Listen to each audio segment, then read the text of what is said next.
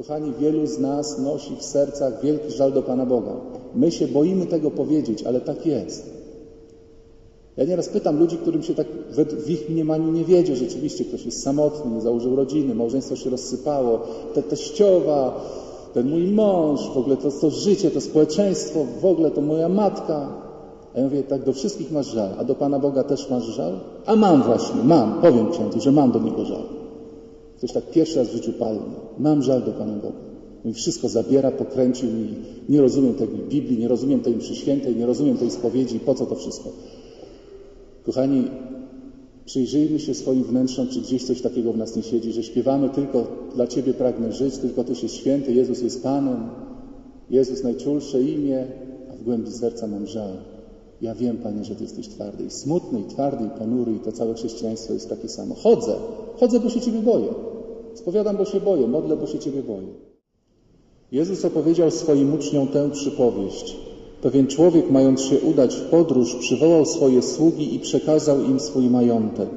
Jednemu dał pięć talentów, drugiemu dwa, trzeciemu jeden, każdemu według jego zdolności i odjechał. Zaraz ten, który otrzymał pięć talentów, poszedł, puścił je w obrót i zyskał drugie pięć. Tak samo i ten, który dwa otrzymał, on również zyskał drugie dwa. Ten zaś, który otrzymał jeden, poszedł i rozkopawszy ziemię, ukrył pieniądze swego Pana. Po dłuższym czasie powrócił Pan owych sług i zaczął rozliczać się z nimi. Wówczas przyszedł ten, który otrzymał pięć talentów. Przyniósł drugie pięć i rzekł. Panie, przekazałeś mi pięć talentów, oto drugie pięć talentów zyskałem. Rzekł mu Pan. Dobrze, sługo dobry i wierny. Byłeś wierny w niewielu rzeczach, nad wieloma Cię postawię. Wejdź do radości Twego Pana. Przyszedł również i ten, który otrzymał dwa talenty, mówiąc, Panie, przekazałeś mi dwa talenty, oto drugie dwa talenty zyskałem. Rzekł mu Pan, dobrze, sługo dobry i wierny, byłeś wierny w niewielu rzeczach, nad wieloma Cię postawię, wejdź do radości Twego Pana. Przyszedł i ten, który otrzymał jeden talent i rzekł, Panie, wiedziałem, żeś jest człowiek twardy. Chcesz rządź tam, gdzie nie posiałeś, zbierać tam, gdzieś nie rozsypał. Bojąc się więc, poszedłem i ukryłem Twój talent w ziemi. Oto masz swoją własność. Odrzekł mu Pan jego, sługo zły i gnuśny. Wiedziałeś, że chcę rządź tam, gdzie nie posiałem i zbierać tam, gdzie mnie rozsypał. Powinieneś więc był oddać moje pieniądze bankierom, a ja po powrocie byłbym z zyskiem odebrał swoją własność. Dlatego odbierzcie mu ten talent, a dajcie temu, który ma dziesięć talentów. Każdemu bowiem, kto ma, będzie dodane, także nadmiar mieć będzie. Temu zaś, kto nie ma, zabiorą nawet to, co ma. A sługę nieużytecznego wyrzućcie na zewnątrz w ciemności, tam będzie płacz i zgrzytanie zębów. Oto słowo Pańskie. Drodzy bracia i siostry, dlaczego ten trzeci sługa podpadł tak mocno swojemu Panu, że kazał go wyrzucić w ciemności, tam gdzie płaci zgrzytanie? No to na to pytanie myślę, że i najmniejsze dzieci by odpowiedziały, dlatego że nie pomnożył talentu, że nie pomnożył majątku swojego Pana. Ale w istocie tam nie o to poszło. Nie poszło o ten talent. Ten człowiek, który jest bohaterem głównym dzisiejszej przypowieści, ten właściciel tego majątku, to był nieprawdopodobnie bogaty człowiek i tam jeden talent dla niego to nie był taki, taki znowu problem. O co tam poszło? Otóż posłuchajcie, jak zaczyna swoją mowę ten trzeci sługa, kiedy staje przed Panem, aby się rozliczyć. Panie, wiedziałem, żeś jest człowiek twardy. Kochani, powiedzieć komuś, że jest twardy, to może mieć pozytywny oddźwięk, że jesteś taki twardy, że się nie da złamać. Ale gdyby tak żona powiedziała do męża, wiesz, ty to jesteś twardy, jest, ma to też taki, łatwo można w tym odczytać jakieś zabarwienie negatywne, że, że ktoś zatwardzone ma serce, Jezus mówił, zatwardziałe są wasze serca. Twardość może być bardzo łatwo odczytana jako coś negatywnego. I w tym znaczeniu on mówi, jesteś twardy, ty jesteś twardy. Ja wiem, Panie, że ty jesteś, jesteś twardy.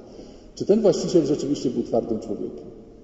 Posłuchajcie, kiedy przypowieść się zaczyna od tego, że mając udać się w podróż, przywołał swoje sługi i przekazał im swój majątek. Nie część majątku, cały majątek. Kochani, ludzie twardzi nie rozstają się ze swoim majątkiem. Cały czas mają na niego oko. Ten człowiek nieprawdopodobnie zaufał tym swoim sługom, przykazując im w ręce cały majątek. Te, to było pięć talentów plus dwa plus jeden, osiem talentów. Na dzisiejsze pieniądze to się trochę da przeliczyć przez dniówkę pracownika. To było około 12-13 milionów złotych. Pan Jezus, jak już opowiadał przypowieść, to taką z wyższych sfer ekonomicznych. To nie to, że on tam przekazał po parę tysięcy. Pierwszemu dał 7,5 miliona złotych. Drugiemu dał około, prawda, 3, 2,5, trzeciemu dał tam też 2 miliony. I tym obracajcie. Cały majątek. Słuchaj, czy oddałbyś cały majątek? Może to ktoś z Państwa ma własny sklep, czy własną firmę? Czy oddałbyś cały majątek w ręce swoich sług? A jeśli tak, jakżeż musiałbyś im ufać? Czytajmy dalej. Dał każdemu według jego zdolności. Czyli on znał zdolności tych swoich pracowników. On się im przyglądał. To nie było tak, temu dam tyle, temu tyle, tylko on się zastanowił. Ten jest dobry, to dam mu więcej. Ten drugi, ja mu się przyglądam od dawna, on jest taki średni ekonomicznie, to dam mu troszeczkę mniej. Ten trzeci jest najsłabszy i zwróćcie uwagę, każdemu chciał dać tyle, żeby, żeby go nie przeciążyć tym obowiązkiem. Jakżeż często my, my się obarczamy obowiązkami, nie patrząc na czyjeś możliwości. On był człowiekiem bardzo pod tym względem wrażliwym, że po pierwsze poznał, a poza tym dopasował stopień trudności do możliwości każdego człowieka. I wreszcie, kiedy oni już wrócili, jak on do nich mówi, dobry, sługo dobry i wierny. Piękne stwierdzenie, sługo dobry, dobry człowieku. I nie mówi, no to zarobiłeś pięć talentów czy dwa talenty, odpalę ci działkę, masz tu sw swoją premię, tylko mówi, wejdź do mojej radości. Popatrzcie, jakbyście się Państwo czuli, gdybyście zrobili jakiś dobry projekt, prawda, yy, czy właśnie dobrze jakąś tam transakcję przeprowadzili, a prezes firmy, szef mówi, Pani Aniu, Panie Włodku, pięknie Pan to rozegrał. Wie Pan co, jadę z najbliższymi przyjaciółmi na moją daczę na Mazury, na taki grillik, kawkę, piwo, niech Pan jedzie z nami. Poradujemy się razem. Myślę, że wielu ludzi by zbaraniało. O rady, szef mnie zaprosił do swojej prywatnej rezydencji. Czy to jest człowiek twardy, który mówi wejdź do radości, wejdź cały, raduj się ze mną. Radość jest to coś bardzo intymnego, przyznacie. Są oczywiście takie radości jakieś płytkie, zobaczymy coś śmiesznego, się rozradujemy, ale tak głęboka nasza radość, radość matki z syna, radość żony z męża, to są najgłębsze. Wejdź do mojej radości, a radość się przeżywa w sercu, wejdź do mojego serca. Kochani, jeszcze raz stawiam pytanie, yy, czy to był człowiek twardy? Czy tak zachowuje się człowiek twardy? I jeszcze mówi, to jest taka, byłeś wierny w niewielu rzeczach, nad wieloma cię postawię. Mateńko Najświętsza, 7,5 miliona gościu zarobił, a on mówi, to jest drobiazg. Ja ci dopiero teraz dam zadania. Ja ci dopiero teraz dam zadania. Ja ci dam władzę. Ja cię wprowadzę w moje jakieś tajne, jakieś plany, przedsięwzięcia. Powtarzam, to był nieprawdopodobnie bogaty człowiek. A ten trzeci sługa, kiedy przychodzi, jeszcze raz poczytajmy te słowa, zaczyna od słowa tego, które my kochamy. Panie, wiedziałem, że jesteś człowiek twardy. Kochani, jak ja na to słowo jestem wrażliwy, kiedy przychodzą do mnie właśnie małżonkowie, przysiędza, ja wiem, jaki jest mój mąż. Przysiędza, ja wiem, że moja żona się nigdy nie zmieni. Przysiędza, ja wiem, że mój ojciec to jest podły człowiek. Ja wiem, ja wiem, my kochamy to słowo. Co ty wiesz? Co ty wiesz? A on mówi, ja wiedziałem, że jesteś człowiek twardy. Ho, ho, ho, to ja dobrze wiem. I bojąc się Ciebie, poszedłem i ukryłem swój talent. Ja się Ciebie po prostu boję. Oto masz swoją własność, mówi ten trzeci sługa. Masz swoją własność. Ja z tym nie chcę nic, masz ten swój talent, to jest Twój talent, to nie jest mój talent. Ja go zakopałem, oddaję Ci w ręce, wycieram po tym talencie i nie chcę mieć z tym talentem nic wspólnego. Oto masz, my też tak możemy mówić. Panie Boże, każesz mi chodzić do kościoła, masz tą swoją mszę. Ja nawet byłem u świętej Jany i odstałem godzinę, godzinę 10. I masz tą swoją mszę, każesz mi się wyspowiadać. Ja nie, nie, nie cierpię tej spowiedzi na święta, ale dobra, jak już chcesz, to masz tą swoją spowiedź, masz ten swój pacierz. O Jezu, jak mi się nie chce, jakiś fajny film leci w telewizji, ale dobra, no jak mi każesz, to ja się Ciebie boję, ja ten pacierz odmówię. Masz ten pacierz i wracam szybko przed telewizora. Zatrzymajcie DVD, bo ja pacierz odmawiam. Zwróćcie uwagę, jaki ten człowiek jest z dystansu do tego, do tego swojego szefa, do tego swojego, do tego swojego pracodawcy. Zachowuje te przykazania, bo to są Twoje przykazania, bo się Ciebie boi, bo Ty jesteś twardy. Ja wiem, ja wiem, kochani, ilu z nas, przyjrzyjmy się swoim sercom, ilu z nas uważa, że Bóg jest twardy i okrutny?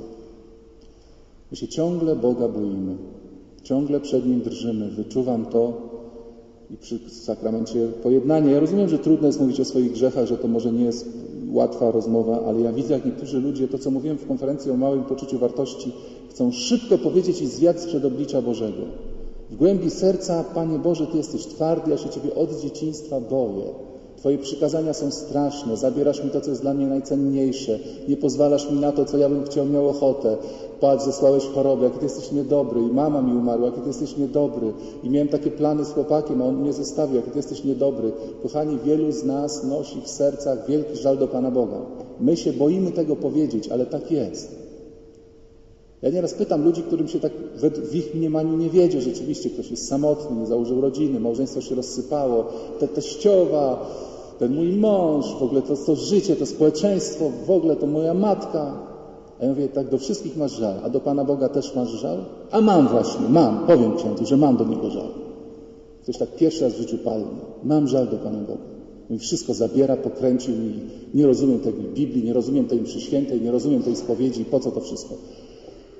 Kochani, przyjrzyjmy się swoim wnętrzom, czy gdzieś coś takiego w nas nie siedzi, że śpiewamy tylko dla Ciebie pragnę żyć, tylko Tyś jest święty, Jezus jest Panem, Jezus najczulsze imię, a w głębi serca mam żal.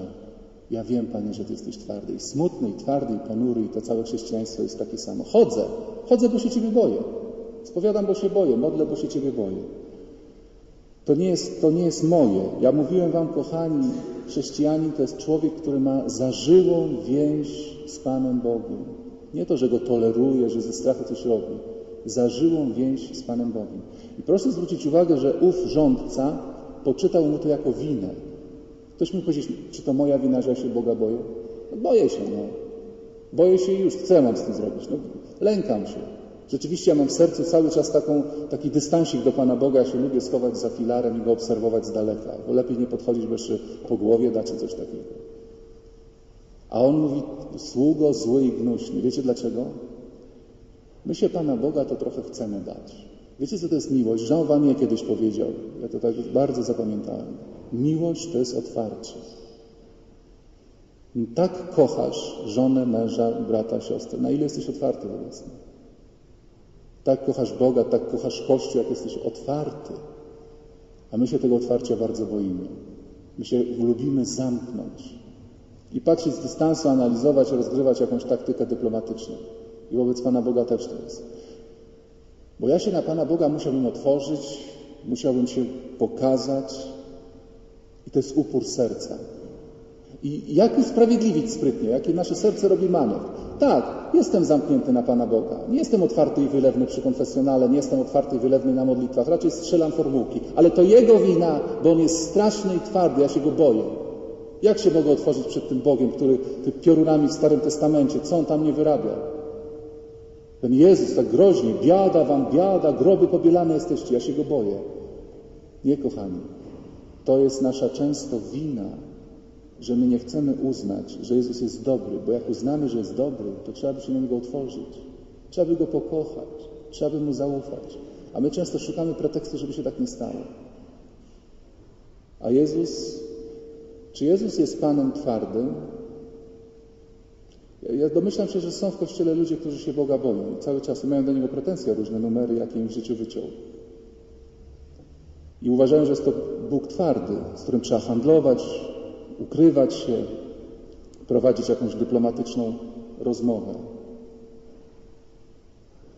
To, to jest rzeczywiście, kochani, zatwardziałość naszych serc, że my, którzy chodzimy do kościoła co niedziela, przyjmujemy komunię, Mamy krzyż na piersi, mamy krzyż na ścianie, mamy krzyż w kościele. Ciągle mówimy, On jest twardy. Ten, który Ci przebaczył już w stu spowiedziach czy w dwustu. Ten, który Cię karmi, ten, który Ci 77 razy przebacza, ten, który przez usta kapłana mówi Ci zaufaj Mu, ten, który błogosławi z obrazu Jezusa Miłosiernego. Czy ja jestem twardy, kochani? Co zrobić? Jak z tego wyjść? Dzisiaj prowokuje mnie trochę do dalszej części rozważań pierwsze czytanie, które zaczynało się od słów niewiastę dzielną któż znajdzie. Nieraz tutaj ktoś mi zarzucał, że ja za często mówię o duchowości mężczyzn, panów. Bo z tego można wyjść, z tego lęku. Ja teraz potoczę swoje rozważanie torem damskim. Można wyjść, kiedy się jest dzielny. To tchórze zarzucają Panu Bogu, że jest straszny, że się Go boją. Ale to nie Bóg ich straszy, to ich wyobrażenia o Panu Bogu ich straszą. To ich, to ich przerażenie, oni się wszystkiego boją i we wszystkim widzą zagrożenie, tylko nie w sobie. Niewiastę dzielną któż znajdzie? Kochani, odwołajmy się do biblijnej postaci jednej niewiasty, Marty.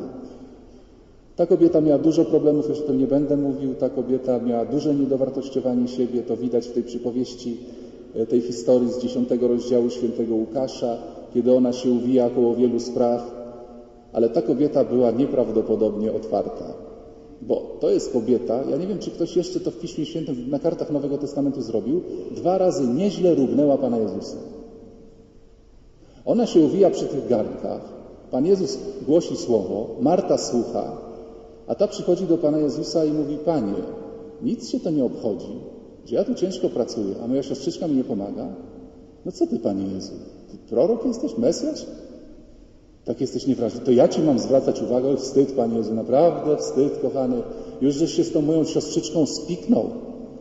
Już żeście sobie przypadli do gustu, ona przy Twoich kolankach siedzi, Ty nauczasz, a ja tu muszę za Was obydwojga zasuwać. Oj, Panie Jezu, nieładnie, oj, nieładnie, nieładnie. A drugi raz, kiedy jej brat zmarł.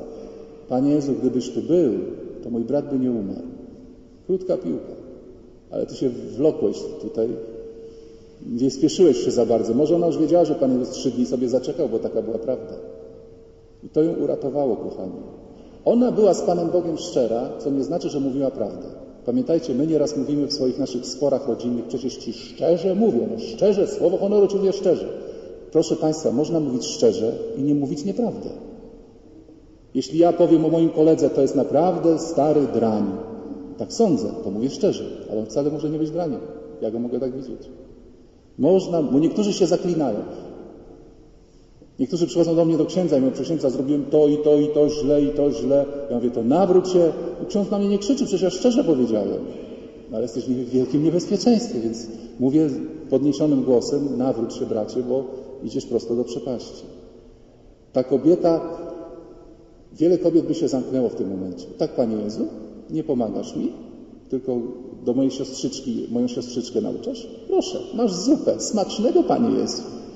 Może magii Ci dodać, co? Ile kobiet potrafi powiedzieć, ja się zatnę. Proszę, proszę, mężulku, a pij sobie piwko. Może Ci jeszcze skoczyć po drugie, co? Ja Ci złego słowa nie powiem, a w środku jest po prostu reaktor atomowy. A ona waliła prosto z mostu. Panie Jezu, tak? Nieładnie się zachowujesz, Panie Jezu. Przykro, że Ci to muszę powiedzieć.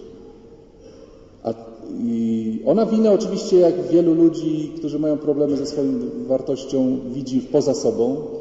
Wina jest w Jezusie, wina jest w mojej siostrze. Yy, każdy z nas widzi problem poza sobą.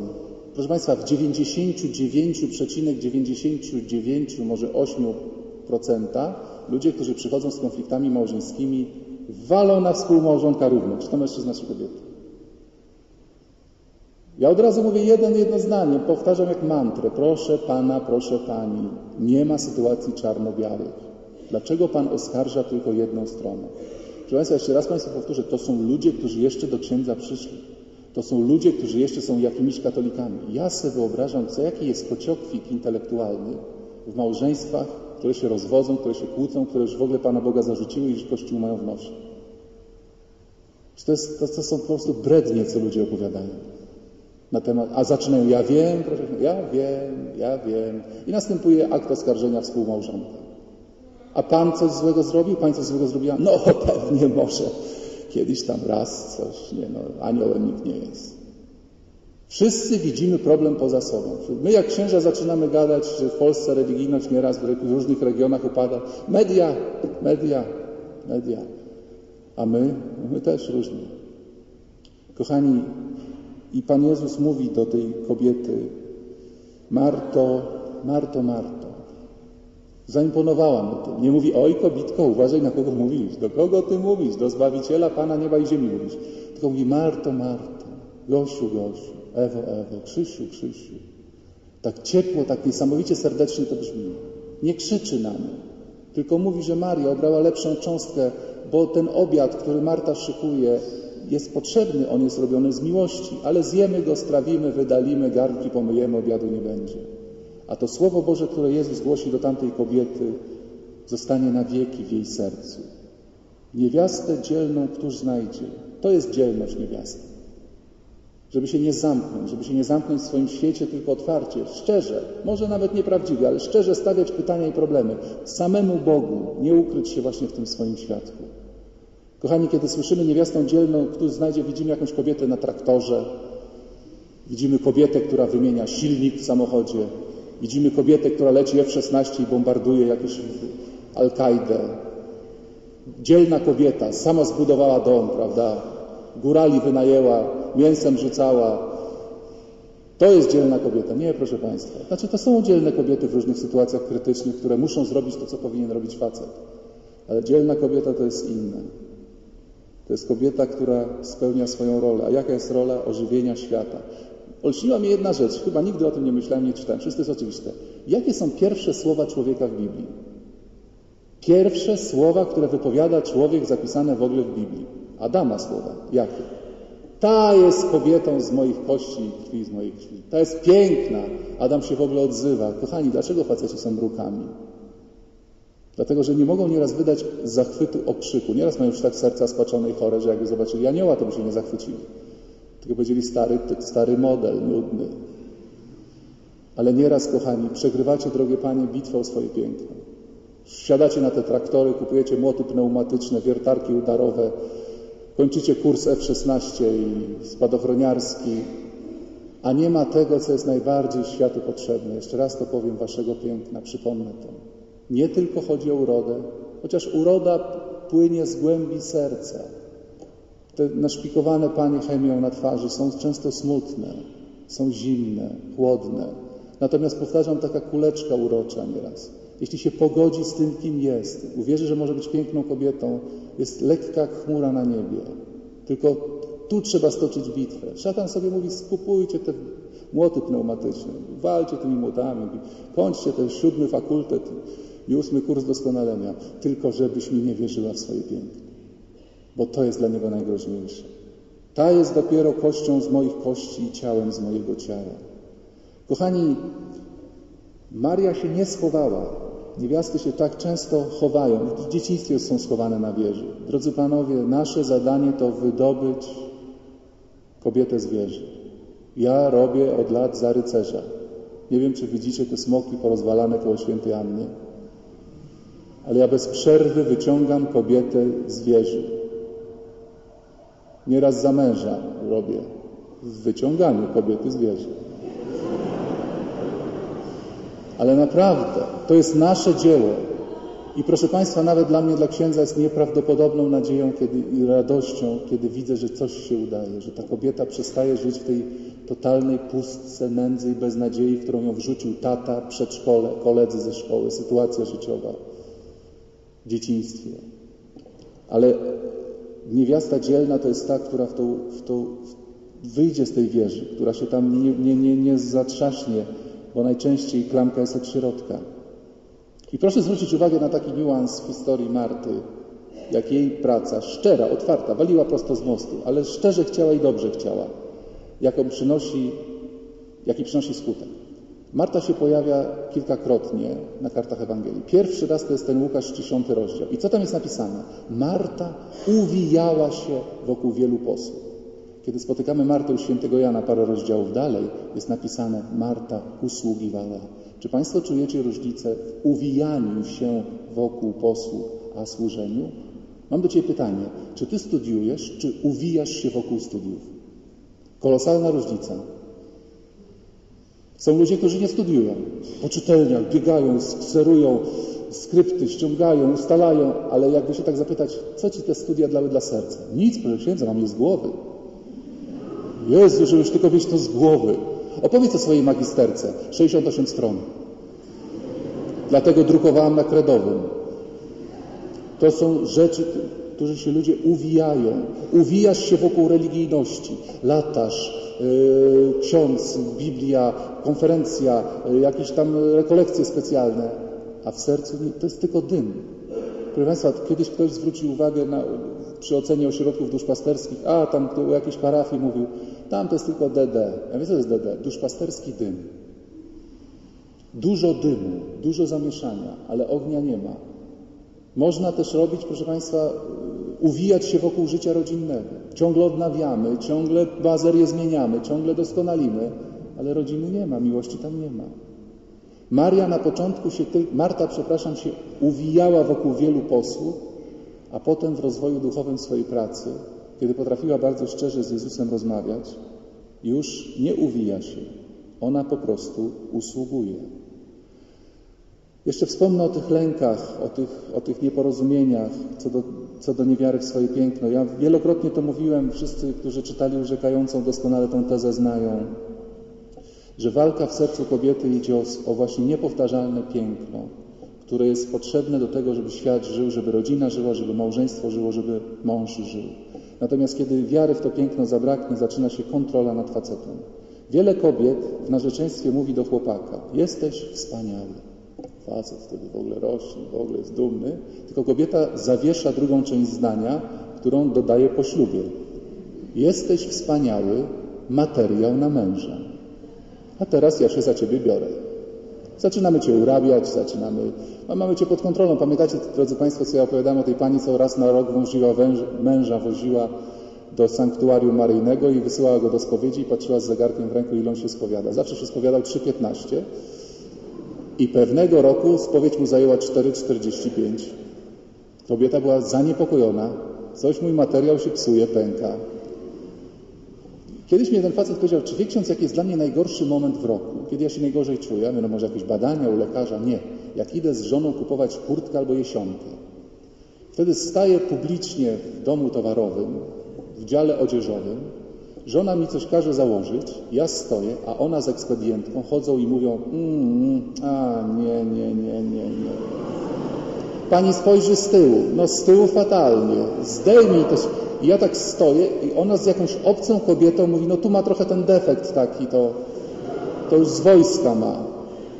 Proszę Państwa, wielu facetów się czuje tak w małżeństwie w ogóle. Są nieustannie w procesie doskonalenia zawodowego. Drogie Panie, ktoś powiedział tak, jeśli się nie, nie żenisz z facetem tym, którym on jest przed ślubem i nie jesteś z niego zadowolona jako z niego, to się z nim nie żeń. Nie wychodź za niego. Ale człowiek się powinien zmieniać. Zmieni się. Nieraz na lepsze, nieraz na gorsze. Zmieni się. My się zmieniamy. Proszę Państwa, zmienić się jest bardzo trudno. I ja chcę powiedzieć właśnie, że to jest tylko przejaw tego lęku, yy, który paraliżuje sytuację, który uniemożliwia z, z wejście w tą zażyłą relację z Jezusem. Kochani, jakżeż to rzadko słyszeć, że coś mi się zawaliło, coś mi źle poszło, ale mój kochany Jezus na pewno coś wymyśli. Mój dobry, bliski Jezus. On mnie nie zawiódł, wyciągał już mnie nie z takich historii. Przyjrzyjcie się, jeszcze raz powtarzam, tej, tej, swojej relacji do Jezusa. Czy jesteście dzielni, żeby z Nim rozmawiać o wszystkim? Czy nie jesteście schowani? Czy to nie jest taki sztuczny uśmiech numer 74, kiedy coś mówimy do Jezusa, spowiadamy się czy modlimy? Czy to jest mój stary, dobry, kochany Jezus? Ten, z którym od dzieciństwa idę przez, przez świat? Czy ja Czuję, że te talenty od Niego to są od dobrego szefa, który chce mnie nad wieloma sprawami postawić. Czy to jest zarządzenie odgórnie wydane, od którego się całkiem, całym sercem dystansuję. My, panowie, mamy te talenty pomnażać męskie, nasza odwaga, męstwo, bo proszę Państwa, tak mówiąc poważnie, to szacunek kobiety należy się mężczyźnie, chociaż ten mężczyzna powinien y, powinien wypełniać swoje obowiązki. Choć, proszę Państwa, kiedyś miałem taką sytuację, ktoś mi opowiadał, w rodzinie była sytuacja, że młody chłopak kończył jakiś kurs wojskowy, tam szczegółów nie znam, i miał awansować, yy, miał awansować stopniem ponad swojego dziadka. I mówi, dziadku, jak mnie awansują, będziesz mi salutował. A dziadek mówi, nie tobie, tylko mundurowi. Ty to jeszcze małolacie musisz dużo zarobić na godność. Będę salutował mundurowi. I dlatego, proszę Państwa, my chrześcijanie nie powinniśmy mówić, będę Cię szanował, jeśli będziesz się sprawdzał. Nawet jak się nie sprawdzasz, to ja Cię, to ja cię szanuję.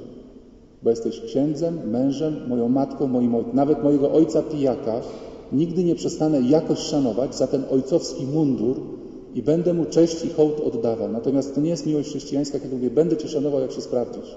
A jak się nie sprawdzisz, to będziesz dla mnie psem. Myślę, że to jest też powód, dla, te, którego, dla którego z tych talentów nieraz nie możemy Bogu i sobie przymnożyć. Powstańmy.